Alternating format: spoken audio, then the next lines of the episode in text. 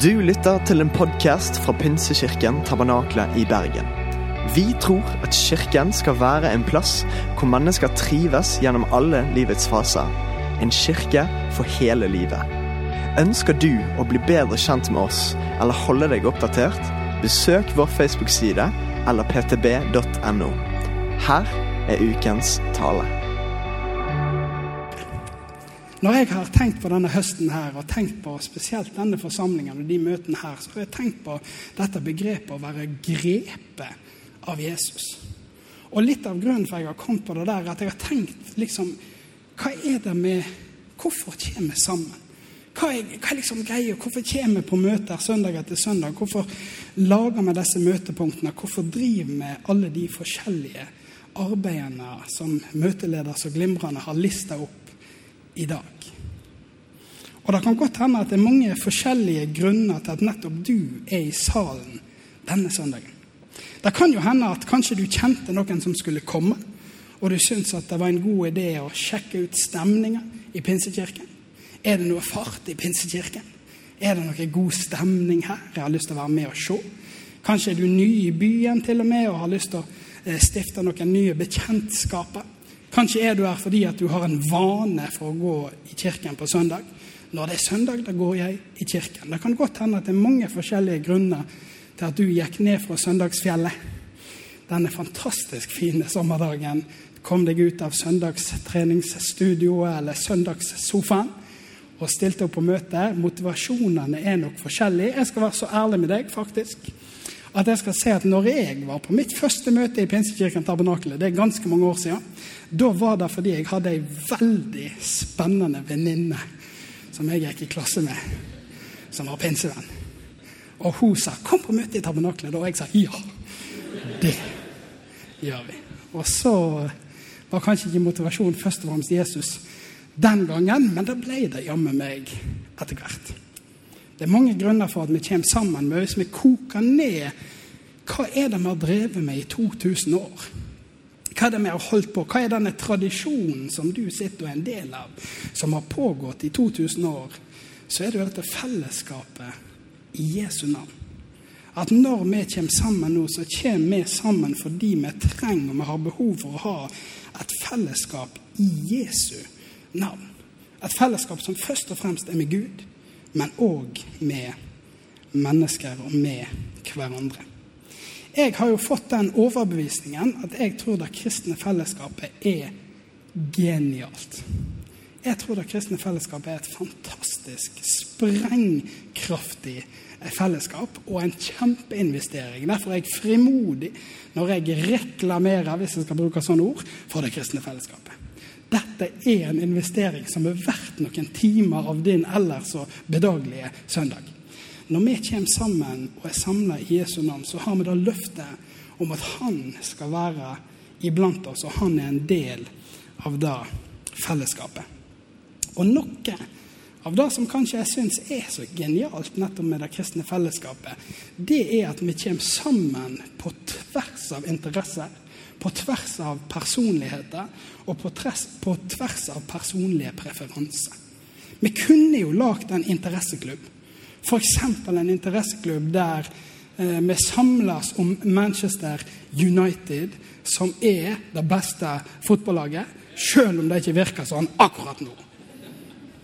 Og la oss glemme gårsdagen, for det gamle er forbi. Se, alt er blitt nytt. Vi skal ikke snakke oss vekk om den saken. der. Vi kunne hatt et Manchester United-fellesskap. Eller vi kunne hatt et strikkeklubbfellesskap. Strikkingens venner, f.eks. Det er et veldig kult fellesskap, faktisk. Mamma hadde vært med på det fellesskapet. Hun har oppdratt meg til å prøve å lære at strikking er det beste som fins. Mye bedre enn hekling. Det er strikking som teller, folkens. Og så kunne vi hatt det, eller vi kunne hatt kaffeens venner. Men hvor er det egentlig den beste kaffen brennes? Og nåde deg hvis du drikker Friele og ikke Æva Gud. Det går ikke an å si Bergen der, vet du.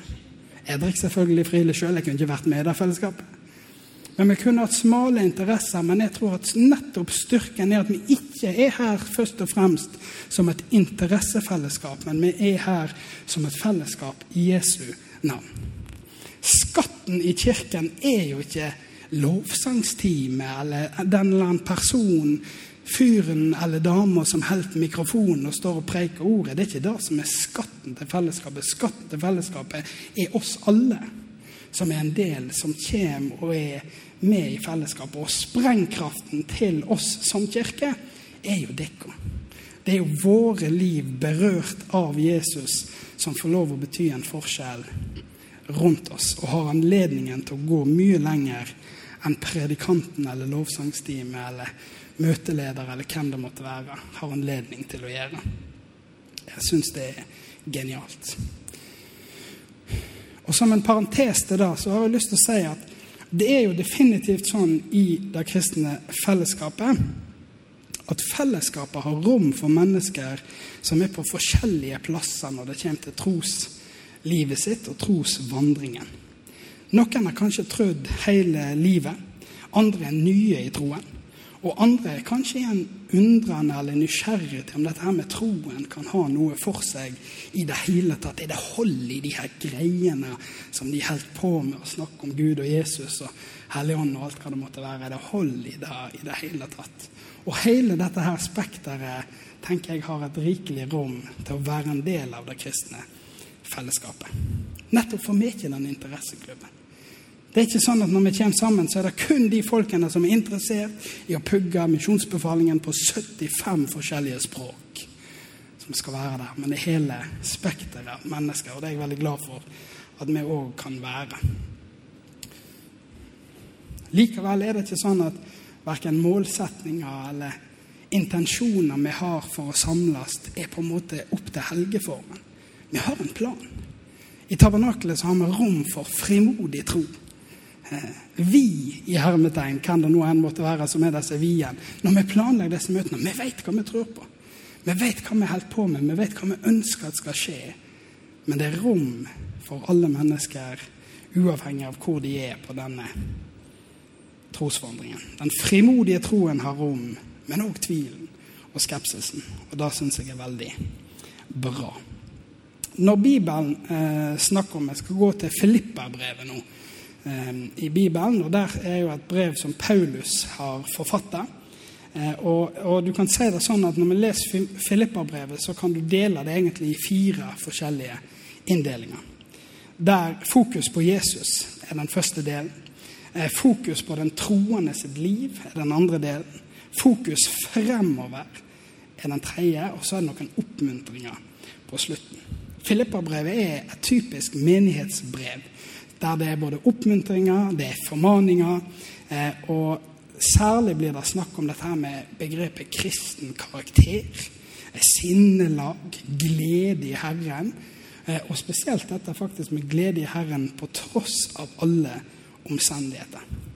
Brevet er jo skrevet når Paulus satt i fengsel i Roma, og, og her tror jeg vi kan også forstå at det var jo tøft du vet, Menigheten i Filippi det er en av de menighetene Paulus eh, planta når han var egentlig sin første tur til Europa, misjonstur til Europa. Da planta han denne menigheten i Filippi, eh, som var en menighet der det ikke fantes noen synagoge, som betyr at jødene sto ikke noe særlig sterkt der. Det var noen eh, jøder der, men de sto ikke sterkt i denne byen.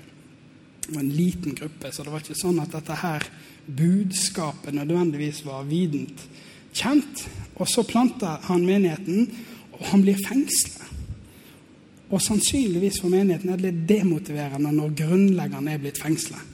De opplevde òg forfølgelse på egen hånd. Det er ikke et veldig oppmuntrende brev, eller oppmuntrende å oppleve forfølgelse. Men så skriver Paulus dette brevet til Filippa-menighetene. Og hvis du leser gjennom Filippa-brevet, så vil du se at det syder av oppmuntring, av løfte opp dette her, hvor takknemlige vi kan være for troen på Jesus. Det er egentlig et formidabelt brev når du tenker på konteksten det er skrevet i. Og jeg har lyst til å stoppe litt opp med deg i dag eh, i det tredje kapitlet. Og Hvis vi slår opp i det tredje kapitlet, så skal jeg lese litt til deg. Jeg tror versene kommer på skjermen òg, så du kan lese der eller bare lytte inn. Og Paulus har nå, når jeg skal lese fra kapittel 3 vers 7, og rett før da, så har Paulus egentlig lagt ut litt om egne kvalifikasjoner. Hva kunne jeg ha vist til i min egen kraft og min egen styrke? Min, la oss kalle det i dag, min akademiske utdanning, f.eks. Her kan jeg vise det. Jeg har vært opplært av den og den personen. Gått på den og den høyskolen, av den og den professoren. Jeg, jeg, jeg, jeg, hører til den riktige familien. Jeg har det riktige familienavnet. De har gjort på ordentlig måte. Når jeg ble omskjært, som de ble på den tida, så ble det gjort rett, sånn som det skulle bli gjort. Og så viser han på en måte til alle sånne ting han i sin egen, egen menneskelige kraft kunne ha vist til. Men så står det her fra vers 7, kapittel 3, vers 7. Men det som før var en vinning for meg, det regner jeg nå for Kristi skyld som tap. Ja, jeg regner alt som tap fordi det å kjenne Kristus Jesus, min Herre, er så mye mer verdt.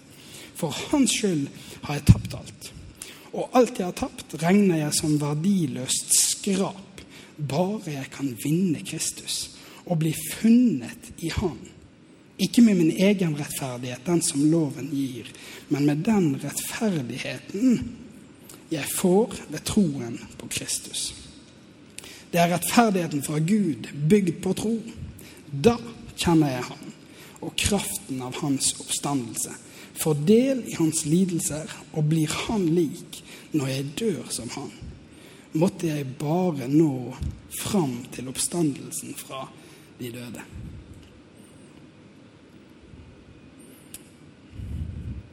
Jeg tror ikke at Paulus sitt poeng når han lekser opp alle de her egne kvalifikasjonene, og så kommer denne sterke uttalelsen, handler om å si at det eneste Vi skal ikke holde på med noe sånt.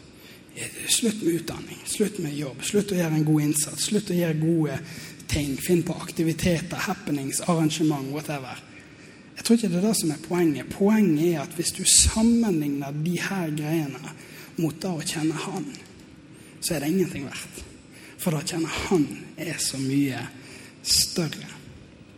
Kanskje kan han minne oss litt om et annet vers som du finner i Matteus 6,33, der det står Søk først Guds rike og hans rettferdighet. Så skal du få alt annet i tillegg. Jeg tror at dette som Paulus skriver til oss her, er en sånn sterk påminner på at vi skal sette det første først. At det vi gjør av studiet, det vi gjør av arbeid, det vi gjør av prestasjoner, utmerkelser, ja, det er bra, men det kommer i annen rekke. Det er noe annet som kommer først, og som troner overalt, og som i lys av det å kjenne Jesus, så er det andre så lite. Og ofte tror jeg vi kan gå i fristelsen for å bli eh, opptatt av tilleggene. Vi blir sånn tilleggsbaserte. Det er tilleggene vi holder på med. Det er velsignelsen jeg kan få det er hva det enn måtte være, der jeg kan oppnå prestasjonene, der jeg kan vise til i menneskelig forstand at jeg er den beste slimfit-pastoren i hele Bergen. Og det har jo jeg et stykke igjen til. Men liksom, jeg kan vise, tenk hvis jeg får til det der, da. og blir bare helt Tenk hvis alle inviterer meg, da. Tenk hvis alle de største plattformene, der kan jeg stå, eller hva det enn måtte være. Tenk hvis jeg blir den beste advokaten, eller blir den dyktigste legen. Tenk om navnet mitt blir skrevet i den boken når de viser er prestasjonene alt jeg har fått til. Og så kan vi jage etter tilleggene, til og med på positive ting. Er det feil å gjøre en god jobb? Nei, det er jo fantastisk å gjøre en god jobb. Det er til og med bibelsk. Det er vidunderlig å, å, å, gjøre en god tjeneste for Herren. Det er vidunderlig å være den beste ektemannen, den beste kona, den beste forelderen du kan være. Alt dette er gode ting, men det må stå i riktig forhold til da kjenner Han som nummer én. Ja vel. La oss sette det viktigste først. La oss, når vi går inn i høsten, ta en sjekk på våre egne hjerter og sier kjem nummer én på førsteplass. Er det Jesus først, og så det andre? Og så vil du oppleve det løftet som vi las fra Matteusevangeliet, at søk først Guds rike og hans rettferdighet, så skal du få noe andre i tillegg. Men det er da det er. Det er tillegg. Videre så leser vi dette. Paulus han skriver videre fra Filippa-brevet, men nå kom til vers 12. Hør. Jeg mener ikke skriver han. Jeg mener ikke at jeg alt har nådd dette, eller at jeg alt er blitt fullkommen, men jeg jager fram mot det og griper det fordi jeg sjøl er grepet av Kristus Jesus. Mine søsken, jeg tror ikke om meg sjøl at jeg har grepet det, men én ting gjør jeg. Jeg glemmer det som ligger bak, og strekker meg etter det som er foran. Og jager fram mot målet, mot den seiersprisen som Gud fra det høye har kalt oss til i Kristus Jesus. La oss tenke slik, alle vi som har nådd fram til modenhet. Om dere ser annerledes på noe, skal Gud gi dere klarhet også i det. La oss bare, så langt vi er kommet, fortsette i samme spor. Er ikke det litt herlig?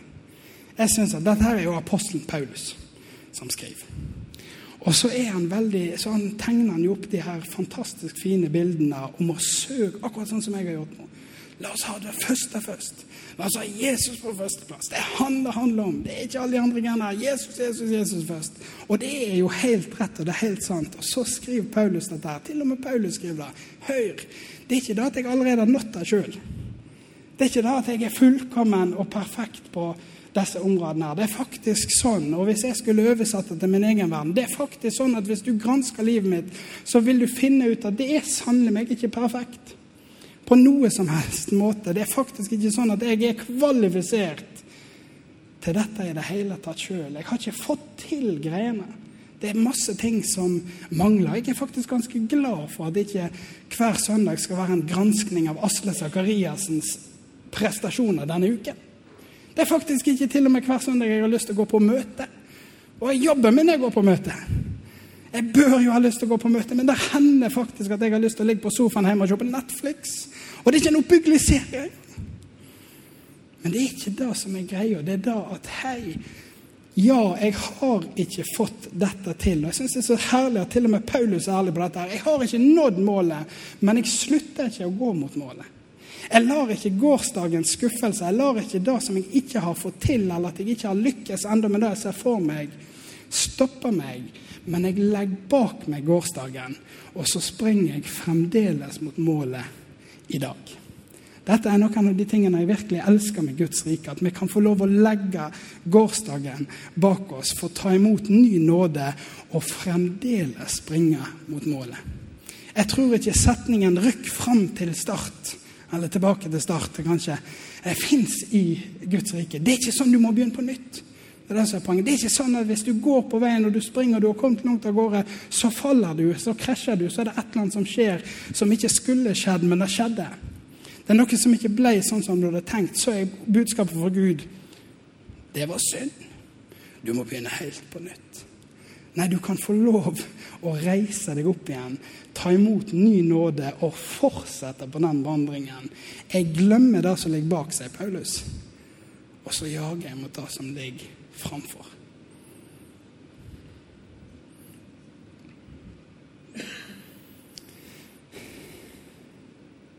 Det er nåde vi kan møte hverandre med når vi går inn i livet. Denne nåden. Og så har jeg lyst til å eh, løfte fram en annen ting fra den siste skriftstedet her, og det syns jeg òg er herlig. Så skriver Paulus det der. La oss tenke sånn, alle vi som har nådd fram til modenhet. Og om det ser annerledes på noe, så skal Gud gi dere klarhet til det. Er ikke det en litt herlig setning? Det syns jeg var veldig oppmuntrende når jeg leste den setningen der. Det der med ja, nå har jeg sagt den saken, la oss tenke på den måten vi som har skjønt greiene. Men vet du hva? Hvis ikke du har skjønt det, Gud ordner opp i den saken. Og der tenker jeg en genial setning. Hvor ofte kan ikke være lett for oss når, når jeg har skjønt noe, jeg har sett noe. Du må jo se det samme. Du, du, må jo tenke på samme måte som jeg om denne eh, saken her som jeg har skjønt. Jeg har fått en åpenbaring, eller jeg har vokst et eller annet der. Du må tenke på samme måte. Og jeg, jeg, må få deg, jeg må overbevise deg om at det jeg tenker, er rett i alle mulige forskjellige spørsmål. Men da syns jeg det var herlig å se apostlene òg, som kan være litt avslappa. Og, og, Paulus er jo ganske tydelig på mange ting, altså. Det er ikke det. Men, men denne holdningen og tilliten til at Gud virker iblant oss, og han overbeviser og viser og gir oss klarhet til ting. Av og til tenker jeg feil. Det må jeg bare si rett ut. Sånn er det. Jeg har ikke skjønt alt. Langt ifra. Nesten sånn jeg føler at av og til har jeg ikke skjønt så mye i det hele tatt. Men Gud evner å gi klarhet til oss når vi fortsetter å søke Han. Dette er òg en av grunnene for jeg elsker å si 'kom til gudstjeneste'. Kom til life-fellesskap. Kom og vær en del av det som skjer. For jeg er overbevist om at Gud virker. Han har lovt at der vi samles i Hans navn, der er Han midt iblant oss. Han virker, og han gir klarhet. Vi trenger ikke være en klubb som skal overbevise alle om å tenke på akkurat den riktige måten hele tiden, men vi kan gi rom til hverandre til å vokse med Guds nåde i den innsikt og visdom som Han har for oss. Hva betyr dette for oss som G19-forsamling, da, eller som kirke? Jo, på en måte så har jeg lyst til å bryte det ned til at, til at for det første så er det en verdi at vi har Kristus som forbilde. At det er Kristus som er liksom malen for det livet vi strekker oss etter. Det er han vi går til. Det er han som er helten i alle historiene vi forteller her. Det er Kristus det handler om. For det andre har jeg lyst til å si at nettopp dette med å fokusere på det første først. At vi er opptatt av det første, og så får vi det andre. Hovedprioriteringene å søke Guds rike og hans rettferdighet, og så kommer det andre i tillegg. Og fellesskapet vi har, siste punktet, fellesskapet vi har her, er et fellesskap som først er med Gud, men så i aller høyeste grad òg med hverandre. Og det er et fellesskap der håpet, ønsket og drømmen er at vi kan bli grepet av Kristus. At han griper hjertene våre. Og at vi i stanset av det kan få lov å jage på samme måte som Paulus har tegnet opp bildet til oss her i Filippa-brevet. Når vi jobber i eh, tabernakelet, så har vi jo Eh, og, og, her i G19-forsamlingen og arbeidet med de unge voksne, så er det jo gudstjenestefellesskapet. Å komme sammen om søndagene, det er ei hovedsøyle som vi bygger på. Så er det Life-arbeidet, som er hovedsøyla som vi bygger på. Og det er begge deler ting som jeg vil på det varmeste anbefale og framsnakke. Søndag og onsdag. Veldig gode dager for å være en del av kirken søndag og onsdag. Det er hallelujastemning. Og det er ikke fullt så hallelujastemning, men nå kan du jammen komme likevel. Av og til til og med litt dårlig stemning, men du kan komme likevel. Det er plassene å være. Søndag og onsdag. Da går han og merker i kalenderen og sier 'yes, dette er mine dager'. Her skal jeg få gå, gå til fellesskap, og jeg skal få lov å ha en forventning til at Gud er iblant oss når vi samles. Søndag og onsdag hovedprioriteten i det vi holder på med. Gudstjenestefellesskapet. Det er pulsen i arbeidet vi holder på med. Så eh, er i neste rekke Jeg kaller det for pri 1 og pri 2 når jeg skriver om det her. Prioritet 1, G19, G12 hvis det er den forsamlingen du hører til, men sant, gudstjenestefellesskapet på søndag, live-fellesskap. Og så i pri 2 så er det de aktivitetene som vi finner på dette andre som vi fyller på med, som er veldig gode og flotte aktiviteter, kommer neste. Det handler om Viken, det handler om sosiale happenings. Bli kjent her, bli kjent der. Veldig bra ting. Og det, der har du prioriteringsrekkefølge. Dette gjør vi. Og vi har hovedvekter på gudstjenestefellesskap og life-gruppene. Og så er det viktig for oss med aktiviteter, Viken og sosiale happenings og det andre, som vi kan fylle på og ha som dryss i hverdagen, som forhåpentligvis kan både inspirere og styrke eh, oss i vandringen med Han. Så til slutt. Jeg håper at du vil være med på denne høsten. At du vil være med på ei reise denne høsten der vår bønn er at vi skal bli grepet av Jesus. En høst der vi ikke først og fremst skal lene oss på våre egne styrker, våre egne evner, våre egne kvalifikasjoner, men på den fantastiske muligheten du og jeg har for å bli kjent med Jesus, bli bedre kjent med Jesus, og få den kjennskapen til Han som ikke er basert på lovgjerninger, at vi gjør sånt lovgjerning, at vi gjør det som er rett til enhver tid, at vi fikser greier og får til livet. Men den, den Kjennskapen som er basert på rettferdigheten vi får gjennom troen på Kristus. Om du sitter i rommet her og opplever at din tro er liten, kanskje han ikke er tilstedeværende i det hele tatt, eller om du opplever at det er god fart i sakene, det er mye ild på bålet, for å bruke et pinsespråk, så tror jeg det er rom for deg i den vandringen, uavhengig av hvor du er i utgangspunktet. Jeg håper du har lyst til å lene deg innover denne høsten. Bli med på gudstjenestefellesskap, prioritere life-gruppene som er på onsdagene, og komme med forventningen til at Gud har en plan for ditt liv og en vilje for ditt liv. Gud vet hva tankene har i møte med oss.